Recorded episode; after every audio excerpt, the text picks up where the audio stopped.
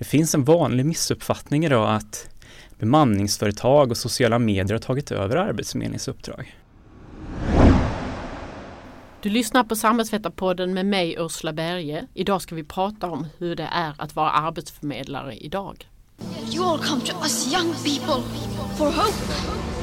How dare you? How dare you? Arbetsförmedlingens skyltar ska upp på fler ställen. Jag har örat mot marken, jag lyssnar, jag leder såväl partiet som politiken i landet. Vi måste också jobba i den andra delen, förhindra att unga pojkar väljer brottets bana och det är ett helt annat arbete. Det är sysselsättning, det är skola och det är socialtjänst. Det är alltså inte polisen som är problemet utan politiken. Hej och välkomna till Samhällsvetarpodden som leds av mig, Ursula Berge, samhällspolitisk chef på Akademikerförbundet SSR. Vår gäst idag är Johan Berg som är arbetsförmedlare på Arbetsförmedlingen och dessutom väldigt flitig debattör. Välkommen Johan! Tack så mycket! Förra Samhällsvetarpodden var din generaldirektör Maria Mindhammar här och beskrev hur hon ser på Arbetsförmedlingen och arbetsmarknadspolitiken. Nu tänkte jag att vi skulle se på de här frågorna utifrån ett annat perspektiv. Den enskilda arbetsförmedlarens. Uh, och jag frågade din GD då vad hon tyckte var de största missförstånden runt Arbetsförmedlingen som hon hör. Så nu tänkte jag ställa samma fråga till dig. Vad hör du utanför jobbet som du tar dig för pannan när du hör? Vad är mest fel? Låt mig vända på det och ställa några frågor till er som lyssnar. Visste du att Arbetsförmedlingen betraktas som en väl fungerande arbetsförmedling ur ett europeiskt perspektiv? Det menar EU-kommissionen. Visste du att de som har kontakt med Arbetsförmedlingen, både arbetssökande och arbetsgivare, har förtroende för myndigheten? Och visste du att 40 procent av de inskrivna arbetssökande som får jobb uppger att Arbetsförmedlingen på något sätt har bidragit till att de fått jobbet. Och jag vet att du som lyssnar och de bland allmänheten i de allra flesta fall inte vet om det här. Och jag vet också att det finns många anställda inom myndigheter som inte heller vet om det här. Så det finns en rad missuppfattningar om Arbetsförmedlingen. Vad den gör, vad den åstadkommer, men också vilket uppdrag som myndigheten faktiskt har. Mm. Man kan lägga till några saker till där och det är det här att 70-80 av allt som finns i sådana där privata eh, jobbförmedlarsajter som heter Monster och allt möjligt kommer från Platsbanken. Det är rätt intressant. Det finns en vanlig missuppfattning idag att bemanningsföretag och sociala medier har tagit över Arbetsförmedlingens uppdrag. Men tittar man på statistiken som SCB tar fram när det gäller just antal förmedlade jobb då tittar man både på jobb som förmedlas av arbetsförmedlare men också jobb som förmedlas via Platsbanken. Då visar det sig faktiskt att det är precis tvärtom. Arbetsförmedlingens, Arbetsförmedlingens eh, roll har ökat de senaste åren. Mm. Men det är få som vet. Och till och med LinkedIn eh, jobbar med Arbetsförmedlingen och tar data från er va? Ja, det stämmer. Mm. Nej, men det är mycket man inte riktigt eh, vet om som är, som är viktigt att eh, ta till sig. Um, du håller på att skriva en bok och eh, i den titeln så skriver du bland annat eh, citat Sveriges mest kritiserade myndighet och det är ju då om Arbetsförmedlingen. Vem står för den kritiken menar du? Det stämmer att jag skriver en bok och det som kan sägas är ju att jag skriver den på min fritid. Eh, och det är ju min, alltså det är mina åsikter och, och min bild som jag beskriver i den. Och den består även av en del granskning som har gjort genom åren. Och jag menar ju att eh, kritiken den kommer ju både från medborgarna och från politikerna. Det finns ju en, eh, alltså Arbetsförmedlingen eh, är ju en myndighet som har ett uppdrag som är kontroversiellt. Vi betalar ut ersättningar eh, och det är ju ett uppdrag som är kontroversiellt om man jämför med till exempel SMHI, Konsumentverket. Uppdraget är liksom precis som Försäkringskassan och Migrationsverket så är det ett uppdrag som är kontroversiellt. Och det är också ett hett politiskt ämne, vilket gör att, um, att många politiker um, använder Arbetsförmedlingen som ett slagträ i debatten. Eller det är som så här, om man tittar på Arbetsförmedlingen så är det ju faktiskt som så att vid de tre senaste regeringsskiftena så har den nya regeringen sagt att man ska reformera myndigheten i grunden. Och det säger ju någonting om, eh, om den förändringsvilja som finns inom politiken och de ideologiska krafter som styr hur man vill forma myndigheten. Men utifrån det du nämnde tidigare att det finns ju en hel del som talar för att Arbetsförmedlingen gör väldigt, presterar högt och har bra effektivitet. Och man kan ju koppla det till vår sysselsättningsfrekvens i landet eller att Mm. vi, vi har en väldigt stor andel av den arbetsföra befolkningen i arbete. Men varför tror du att så många ändå har tagit till sig verklighetsbeskrivningen att detta är en myndighet som måste förändras helt och hållet utifrån det resultatet? Jag tror att det faktiskt är så att den diskursen som har varit under ganska många år, då har det i den politiska debatten så har det ju varit som så att Arbetsförmedlingen har varit ett slagträ eh, och eh, man har Alltså det är en omtvistad myndighet och många politiker har sett det som sin chans att, eh, att kritisera myndigheten och i och med att det finns en stark kritik bland medborgarna eh, allmänheten upplever att man inte har förtroende man upplever heller inte att myndigheten förmedlar jobb. Och det här baseras på undersökningar som kommer fram i media. Och det här är också undersökningar som man in, bland politiker använder sig av som argument för att privatisera Arbetsförmedlingen. Och det är ju de här typen av argument som man också använt sig av eh, i den politiska debatt som föregått den här reformen. Om man tänker på kritik, eh, ganska omfattande sådan har ju också kommit från eh, arbetsgivarorganisationer, inte minst Almega och Svenskt Näringsliv. Hur tolkar du deras kritik? Det finns ju även där eh, starka motiv till att privatisera Arbetsförmedlingen och göra om den i grunden. Ehm, det finns ett starkt ekonomiskt intresse ifrån de här organisationerna och det har man ju också sett i, i deras lobbyarbete. Så man pratar ju om att den här reformeringen kan ju leda till tillskott i miljardklassen för de privata aktörerna som, som då enligt januariavtalet ska ta över Arbetsförmedlingens matchningsverksamhet. Så du, du tror i grunden att det handlar inte så mycket om Arbetsförmedlingens effektivitet och prestation utan mer en, en, någon, någon marknadsnytta för deras medlemmar? I mångt och mycket anser jag det. För jag har granskat deras lobbyism och det är intressant att se eskaleringen i den. Ehm, år 2006 innan privata jobbcoacher tillkom eh, genom alliansregeringen så pratade Svenskt Näringsliv om att eh, man ville se att Arbetsförmedlingen konkurrensutsättes. Och med det menade Svenskt Näringsliv att eh, Arbetsförmedlingen skulle konkurrera med privata aktörer. Men nu ska ju bara privata aktörer enligt Svenskt Näringsliv, eller enligt deras förslag, så ska ju enbart privata aktörer förmedla jobb. Och det är intressant för efter att de här privata jobbcoacherna infördes och etableringslotsar, då ville Svenskt Näringsliv gå ett steg längre. Då skulle allt privatiseras. Och det har man hållit fast vid nu i tio år. Mm. Och det är väldigt intressant.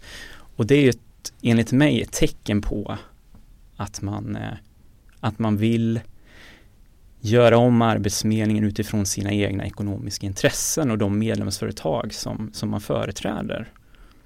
Jag tänkte arbetsmarknadspolitiken och Arbetsförmedlingen har ju varit i rejält fokus egentligen eh, alltså under lång tid. Du, du talar om tio år, det är ju sant. Men, men sen valet 2018 var det ju väldigt många som gick till val det valet på att man skulle göra om, reformera Arbetsförmedlingen i grunden som det hette. Och sedan hade vi väldigt turbulent regeringsbildningsprocedur som tog lång, lång tid. Och sedan sammanföll detta med att det gick igenom en moderatisk och kristdemokratisk budgetreservation i riksdagen som stöddes av Sverigedemokraterna och som var ett rejält avbräck budgetmässigt för Arbetsförmedlingen. Och den som kan historien vet ju att det, det, det sammanföll ju både med ett jättestort varsel på 4500 kollegor till dig Mm. och så även kontorsnedläggning. Beskriv hur du som arbetsförmedlare upplevde den perioden precis när det här kom. Vi inom myndigheten visste ju att förändringar skulle ske. Redan eh, i januari 2017 så fanns det en riksdagsmajoritet för att privatisera Arbetsförmedlingen. Det fanns dock vissa skillnader mellan partierna kring hur man ville att privatiseringen skulle ske. Det var tydligt för man eh, till exempel Alliansen, de var enade i frågan. Man gick till val på att privatisera Arbetsförmedlingen. Eh, och Sverigedemokraterna stödde även det här förslaget. Så vi var medvetna om att det fanns en osäkerhet kring framtiden. Och det skapar givetvis en oro redan inför valet. Men visst, det fanns funderingar kring om, eh, om vad som skulle ske, men vilka regeringar, alltså vilka regeringar skulle komma på plats och vilka kompromisser skulle, skulle ske på vägen. Och eh, min uppfattning är att Socialdemokraterna ganska tidigt hade bestämt sig för att satsa på ett, eh, ett mittenalternativ, alltså ett samarbete med, med Centerpartiet och med Liberalerna. Och då visste man också att för att eh, Centerpartiet skulle gå med på att eh, samarbeta med Socialdemokraterna så var Arbetsförmedlingen en fråga som skulle dyka upp i regeringsförhandlingarna. För det var ju trots allt och är en hjärtefråga för Centerpartiet. När detta hände eh, 2019 då hade du jobbat en fyra, fem år på ja, Arbetsförmedlingen. Det, det var inte imponerande många år utifrån en varselsituation och, och, du var också rädd för att bli uppsagd. Hur tänkte, och du har garanterat många nära kollegor som blev uppsagda. Mm. Vad ledde det till? Hur resonerade ni och hur kände ni eh, alltså, hur påverkar det arbetet framöver när, när det här varslet kom? Som alla som är med om den här typen av eh, situationer och händelser så är det ju en, eh, en situation som innebär mycket stress, oro, man är besviken och känner sig det var nedstämt liksom, alltså stämningen var påtaglig liksom. Folk grät i korridorerna, eh, man kramade om varandra och mm, det var väldigt speciellt på många sätt och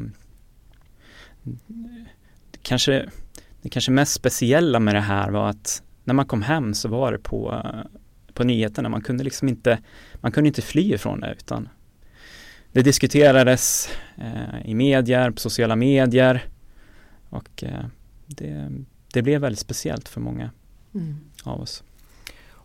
Och i, i, samband med den här väldigt stora neddragningen av budgeten för 2019 så aviserade ju också Arbetsförmedlingen att man skulle lägga ner väldigt många kontor, 132 stycken. Men Arbetsförmedlingens ledning hade ju pratat om kontorsnedläggning långt före det. Vad är tanken? Vad var tanken, tror du? Det här är en väldigt intressant fråga för att den har ju blivit väldigt het. För när det här aviserades att 132 kontor skulle läggas ner runt om i Sverige så var det ju många kommunalråd, ganska många centerpartistiska till och med, eh, som bönade och bad om att just deras lokalkontor skulle få vara kvar. Och det här skapar ju mycket politisk diskussion och eh, det blev ett politiskt spel om just den här frågan. Sen kan man också se frågan ur ett annat perspektiv. Genom Arbetsförmedlingen så har det pågått en omfattande organisationsförändring sedan 2014. Det handlar bland annat om att man ska förändra styrningen. Eh, en, en mer man säga, en mjukare ledningsfilosofi där Arbetsförmedlingen ska få större handlingsutrymme och frihet. Och det var ett led i regeringens eh, ska man säga, förändringsvilja. Man ville gå från en kontrollmyndighet till en expertmyndighet. Men i det här också så fanns det fokus på digitalisering. Mikael Sjöberg som var vår förre generaldirektör, han menade på att IT-utvecklingen inom Arbetsförmedlingen var kraftigt eftersatt. Om man jämför till exempel med Försäkringskassan som hade genomgått en digitaliseringsresa. Och eh, det man kan säga också är att mellan 2015 och 2017 så lade myndigheten ner drygt 70 kontor runt om i landet. Så det är ingen nyhet att eh, myndigheten lägger ner kontor. Och det man också kan säga är att det var heller inget nytt i, eh, alltså den generaldirektör som, eh, som var innan Mikael Sjöberg har efter kontorsnedläggningar sagt att även på hennes tid så, så fanns det de här planerna. Och det är också väl värt att veta om i det här man skulle ju om man var lite konspiratoriskt lagd tänka sig att, att Arbetsförmedlingens ledning tog tillfället i akt när man nu hade en så påtaglig neddragning med, av budgeten med Moderaternas och Kristdemokraternas budgetreservation. Att man tog tillfället i akt och drämma till och bli av med de här kontoren man ändå ville bli av med. Absolut, det är ju en, eh, det är en relevant tanke i, i sammanhanget. Och det menar jag också faktiskt Angeles Bermudez Sanchez som var eh, Mikael Sjöbergs föregångare. Eh, hon menar på att jo, men, absolut, det fanns ett, ett tillfälle för myndigheten att kunna skära extra och eh, fokusera ännu mer på digitala lösningar. Men sen finns det också en annan sida. Om man då varslar en tredjedel av myndighetens anställda, 4500, då är det också självklart att man måste förändra myndighetens kontorsstruktur. Så att det finns ju flera, eh, flera sätt att se på den här förändringen. Precis som du beskrev så ledde ju detta till en ganska stor politisk turbulens för, för inte minst Centerpartiet som har varit drivande i förändringarna av, av eh, Arbetsförmedlingen i den punkt 18 i januariavtalet som mycket av det här kommer ifrån. Eh, så, så skapades väldigt mycket turbulens och, och dåvarande arbetsmarknadsminister Ylva Johansson sa att hon inte var för den här kontorsnedläggningen. Det var för dramatiskt. Ja, ett antal olika utspel. Och sen dess har det gjort ett antal så att, skulle man kunna kalla det kanske återställare. Och nu säger Arbetsförmedlingen att man citat säkra närvaron på 99 av de här orterna. Vad betyder det att säkra närvaron? Det är också en väldigt intressant eh, fråga. Eh, arbetsmarknadsminister Eva Nordmark pratade om att fler skyltar skulle upp i, i den här omfattande politiska debatten som pågick i slutet av förra året. Och eh, absolut, eh, det, var, det är faktiskt så att vissa arbetsförmedlingskontor kommer att finnas kvar som man tidigare hade aviserat skulle läggas ner. Men att säkra närvaron handlar ju både om att Arbetsförmedlingen har eh, ingått ett samarbete med Statens servicecenter eller statliga servicekontoren kommer Arbetsförmedlingen att, att finnas i tillsammans med Pensionsmyndigheten, Skatteverket och Försäkringskassan. Och det är ett sätt att möta eh, medborgarnas behov. Sen så har man pratat om eh, att Arbetsförmedlingen ska hyra in sig hos kommuner men även om att man ska säkra närvaron genom digitala lösningar. Så att kan ibland vara så att man eh, vilseleder genom att använda den typen av uttryck som att fler skyltar ska upp, menar jag. Mm. mm. En eh, inom citattecken modern person kanske skulle säga att, att kontor och digitalisering står emot varandra. Att är man för digitalisering så, så är det naturligt att lägga ner kontor. Vad tänker du runt det? Och att är man för fler kontor ska vara kvar så är man i grunden mot digitalisering. Jag menar att eh, digitalisering har flera fördelar. Alltså att det ger en flexibilitet och man möter, och man möter kunders eh, nya behov och, eh, och, den, och den samhällsförändring som, eh, som faktiskt sker. Och, eh, och det är ju liksom precis som andra verksamheter så behöver ju myndigheter också förändras. Men jag menar ju på att det inte egentligen finns en motsättning där. Fysiska möten är ju viktiga Eh, för att kunna bedöma eh, arbetssökandes eh, behov och ställning på arbetsmarknaden och kunna skapa en bra relation som är en förutsättning för att kunna få människor i arbete och hitta vägar framåt. Så eh, det är ju mycket en styrningsfråga i det här. Vad, vad vill man satsa på? Faktum är att det saknas forskning när det gäller effekterna av liksom, digital arbetsförmedling. Så att en del pratar på att det finns en övertro på, på digitaliseringsmöjligheter att kunna få människor i jobb. Så att det är en komplex fråga skulle jag säga. Mm. Du var ju mer traditionell arbetsförmedlare i Örebro tidigare och blev sen mer digital arbetsförmedlare i Köping. I Karlskoga. Karlskoga, mm. förlåt. Mm. Beskriv hur, du, hur dina arbetsuppgifter har förändrats. I Karlskoga, när jag jobbade på på kundtjänst då, eller den digitala arbetsförmedlingen är ju ett bättre uttryck egentligen. Eh, då handlar det om att man skulle serva arbetsgivare, för det var på den enheten jag jobbade. Och det handlade om att eh, egentligen hjälpa arbetsgivare och lotsa dem i våra digitala självservicetjänster som som myndigheten har utvecklat. Och eh, ja, det var uppdraget. Mm. Så du jobbar med Så det var inte alls lika komplext som att jobba på ett lokalkontor och man hanterade inte beslut till en början åtminstone. Så det var en, eh, ja, och det som också var skillnaden var ju att eh, den här enheten som jag jobbade på och de digitala arbetsförmedlingarna, eller ja, personligt distansmöten som man pratar om inom myndigheten. Det var ju också enheter som blev skonade ifrån eh, från uppsägningar i, i de här eh, fackliga förhandlingarna. Det var en annan stämning där. Ehm, det var lugnare jämfört med lokalkontoret där det var kaos, bokstavligen. Folk, ehm, folk var väldigt oroliga eh, över vad som skulle hända och, och även när det gäller arbetsmiljön. Hur påverkar det mig som, som blir kvar i det här? var ju många tankar som, eh, som fanns hos medarbetare. Så det var ju en helt annan tillvaro som jag kom till i maj förra året. Mm. Jag tänkte vi skulle fundera lite mer och prata lite mer runt det här med digitaliseringen. Vad skulle du säga är dess största förtjänster och brister? Vad kan inte digitaliseras till exempel? Fördelarna är ju att vi möter kunders, eller ja, jag gillar egentligen inte kundbegreppet. Jag skulle hellre säga arbetssökande och arbetsgivare. Vi möter deras behov helt enkelt. Det ger möjlighet till flexibilitet, man kan sitta hemma, man kan sitta på sin arbetsplats. Och eh, till exempel, vi pratar om digital inskrivning. Det är stor skillnad jämfört med att behöva besöka ett arbetsförmedlingskontor än att kunna sitta hemma och göra det i lugn och ro.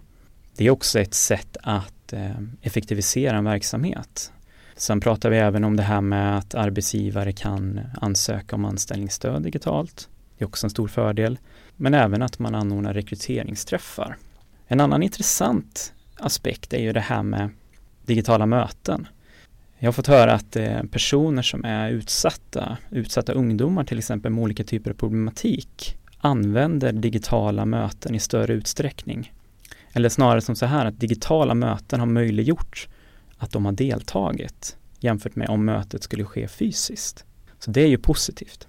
Sen givetvis finns ju de, eh, de tillfällen där digitala lösningar inte alltid är det mest lämpliga. Om vi tar en utsatt person till exempel, en person kanske med missbruksproblematik, där man vill skapa en relation med en person. Man vill som arbetsförmedlare eller som specialist som också är en viktig profession inom myndigheten kunna, kunna skapa sig en bild av den personen som man träffar. Då tror jag, och det är min personliga uppfattning, att eh, ett fysiskt möte är viktigt. Mm. Finns det grupper av arbetssökande som du tror att digitaliseringen har svårt att nå? Alltså som har svårt att äh, använda sig av alla digitala verktyg som finns. Där man förlorar någonting. För du nämnde den missbruks, äh, personer med missbruksproblematik och behovet av relation. Men äh, personer som kommer från till exempel andra länder som inte är lika digitaliserade eller som har svaghet i svenskan och så vidare. Hur tänker du runt det?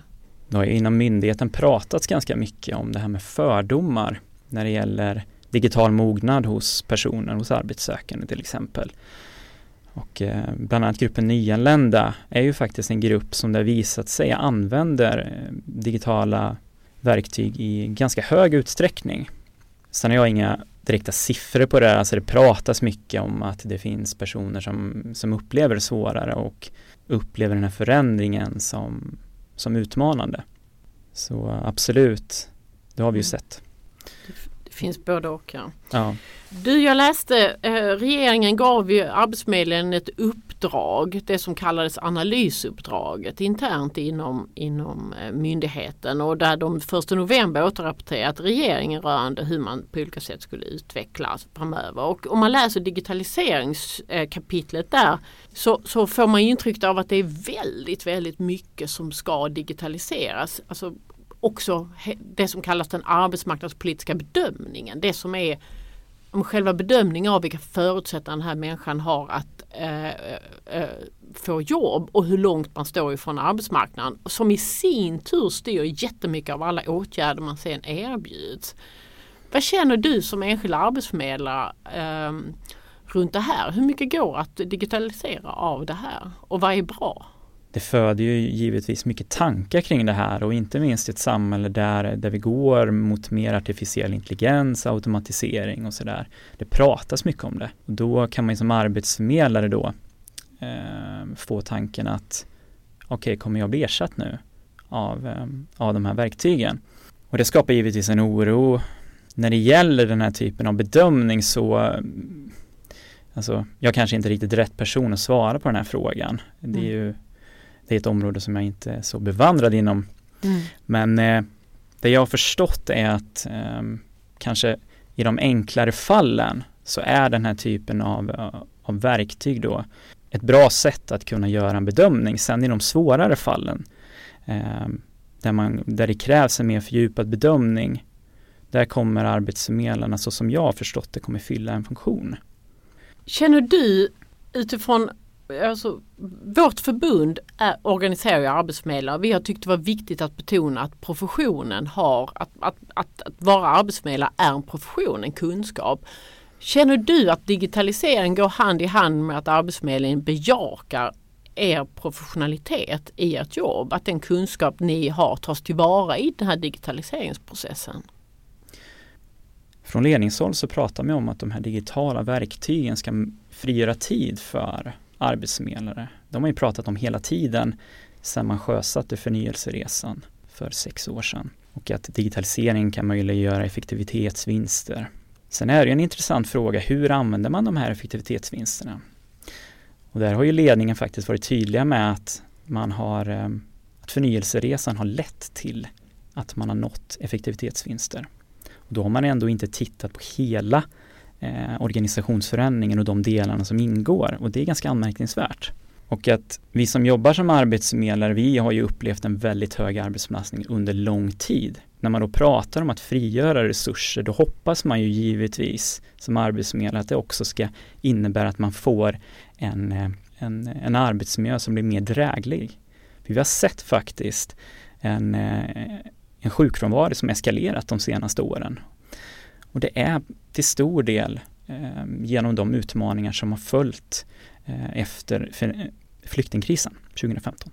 Och eh, ja, ni har gjort undersökningar där 9 av 10 arbetsförmedlare upplever en väldigt hög arbetsbelastning, alltså där man inte hinner med sitt jobb.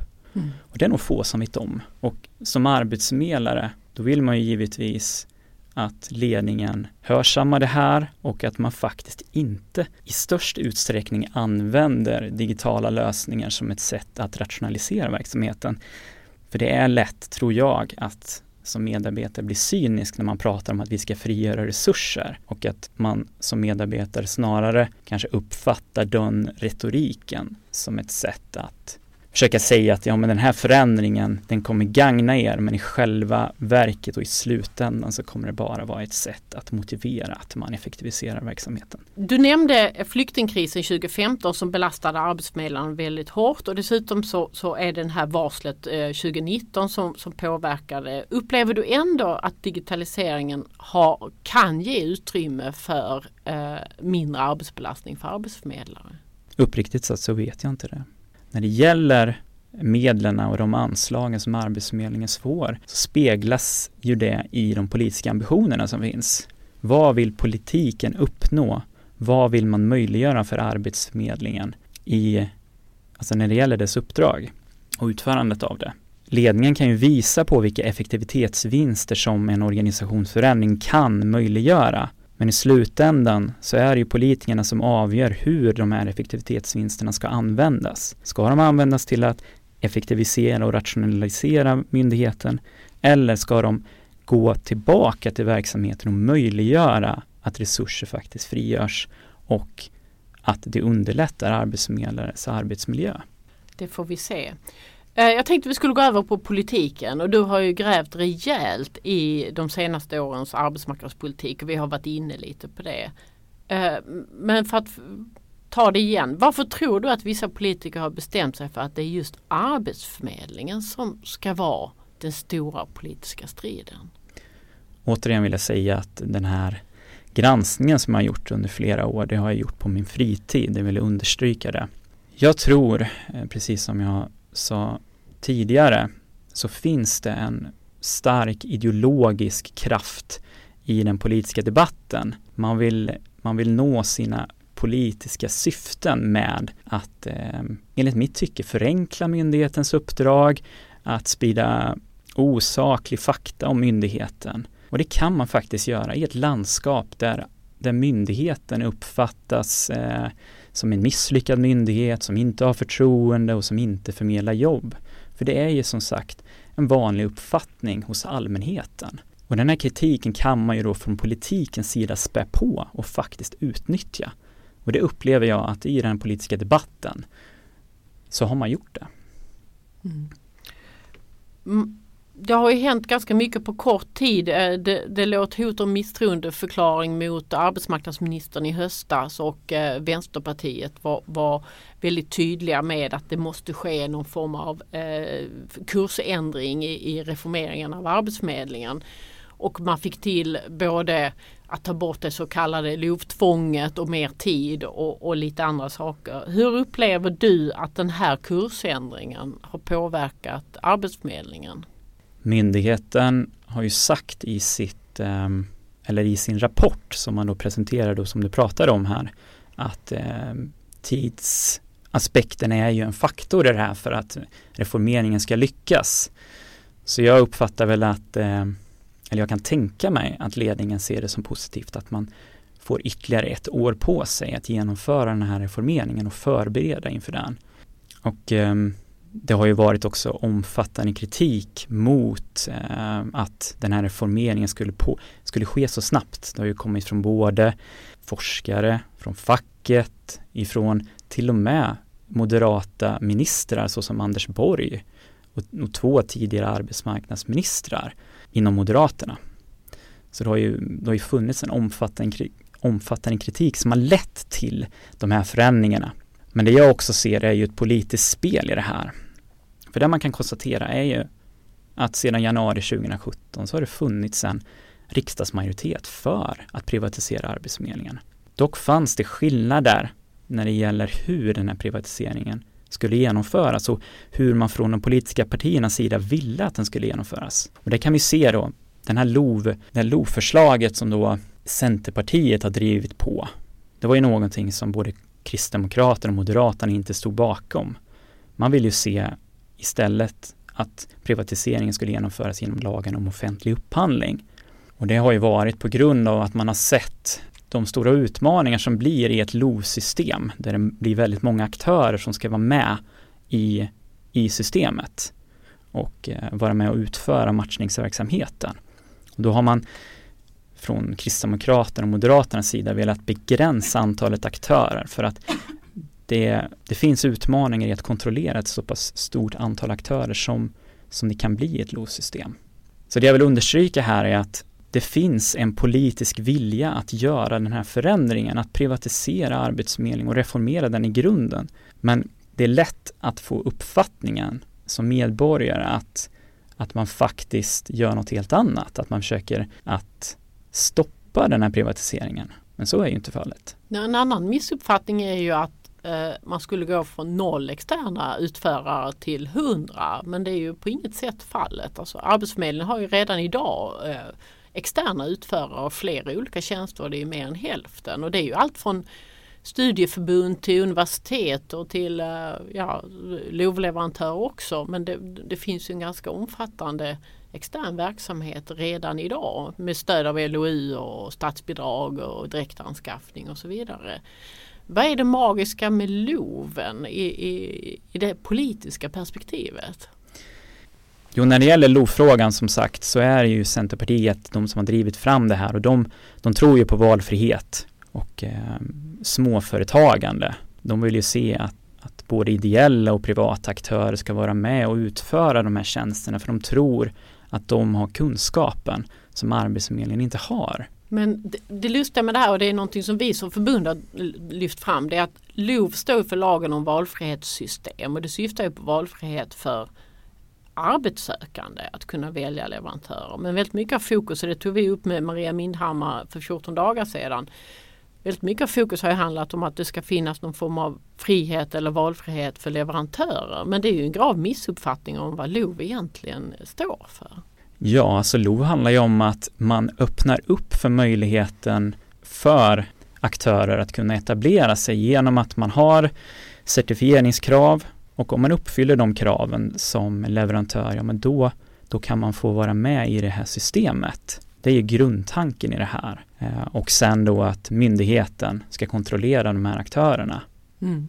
Jag tänkte vi skulle gå in på en ganska akut situation och det är ju att eh, vi har ju nu en varselsituation i Sverige som är på grund av covid-19 epidemin, pandemin, som är långt värre än finanskrisen 2008 och tidigare i veckan gick Arbetsförmedlingens analyschef Annika Sundén ut och berättade att vi hade närmare 14 000 varsel förra veckan och på, för mars räknas det med att bli eh, 20 000 som är fullt i paritet med vad det var 2008. Eh, Ja, och 2008 jobbade ju inte du på Arbetsförmedlingen men man ser ju mycket paralleller. Hur beredda är ni inför den här varselsituationen? Varsla är ju inte att man är arbetslös just nu men det är stor risk att man kan bli det. Är mm. ni beredda? Vår generaldirektör Maria Mindhammar har uttryckt att hon upplever att det finns en beredskap inom myndigheten för den här situationen. Hur upplever du det på golvet? Vi ser absolut stora utmaningar och eh, det är ju fortfarande så här att det har ju gått drygt ett år sedan varslet och det har hänt mycket inom myndigheten. 3000 medarbetare har försvunnit och det har givetvis eh, lett till stor påfrestning, inte minst för de som jobbar på lokalkontoren runt om i landet som har varit med om eh, väldigt omfattande förändringar och som har fått byta kontor och, och, som har blivit av med kollegor och som har sett sin arbetsbelastning skjuta i höjden. Vår generaldirektör, både Mikael Sjöberg och Maria Mindhammar har ju beskrivit läget som exceptionellt. Så visst, det finns ju stora utmaningar både för medarbetare och för chefer att kunna hantera en sån här egentligen oviss situation. Men det som är ganska intressant är ju vad som händer i samhället och hur arbetsgivare agerar. För nu kommer arbetsgivare till Arbetsförmedlingen och vill att vi ska stötta i en, i en omställningsprocess och hjälpa till att ta fram kandidater som kan, som kan eh, jobba och eh, stötta inom de områden där man nu ser att det finns ett stort behov. Och där verkar det som att Arbetsförmedlingen har en stor plats att fylla. Men om vi, om vi kommer att kunna göra det um, i en situation där som blir ännu värre än vad den är idag, det vet vi ju inte. Mm. Vi vet ju inte faktiskt vad som kommer hända.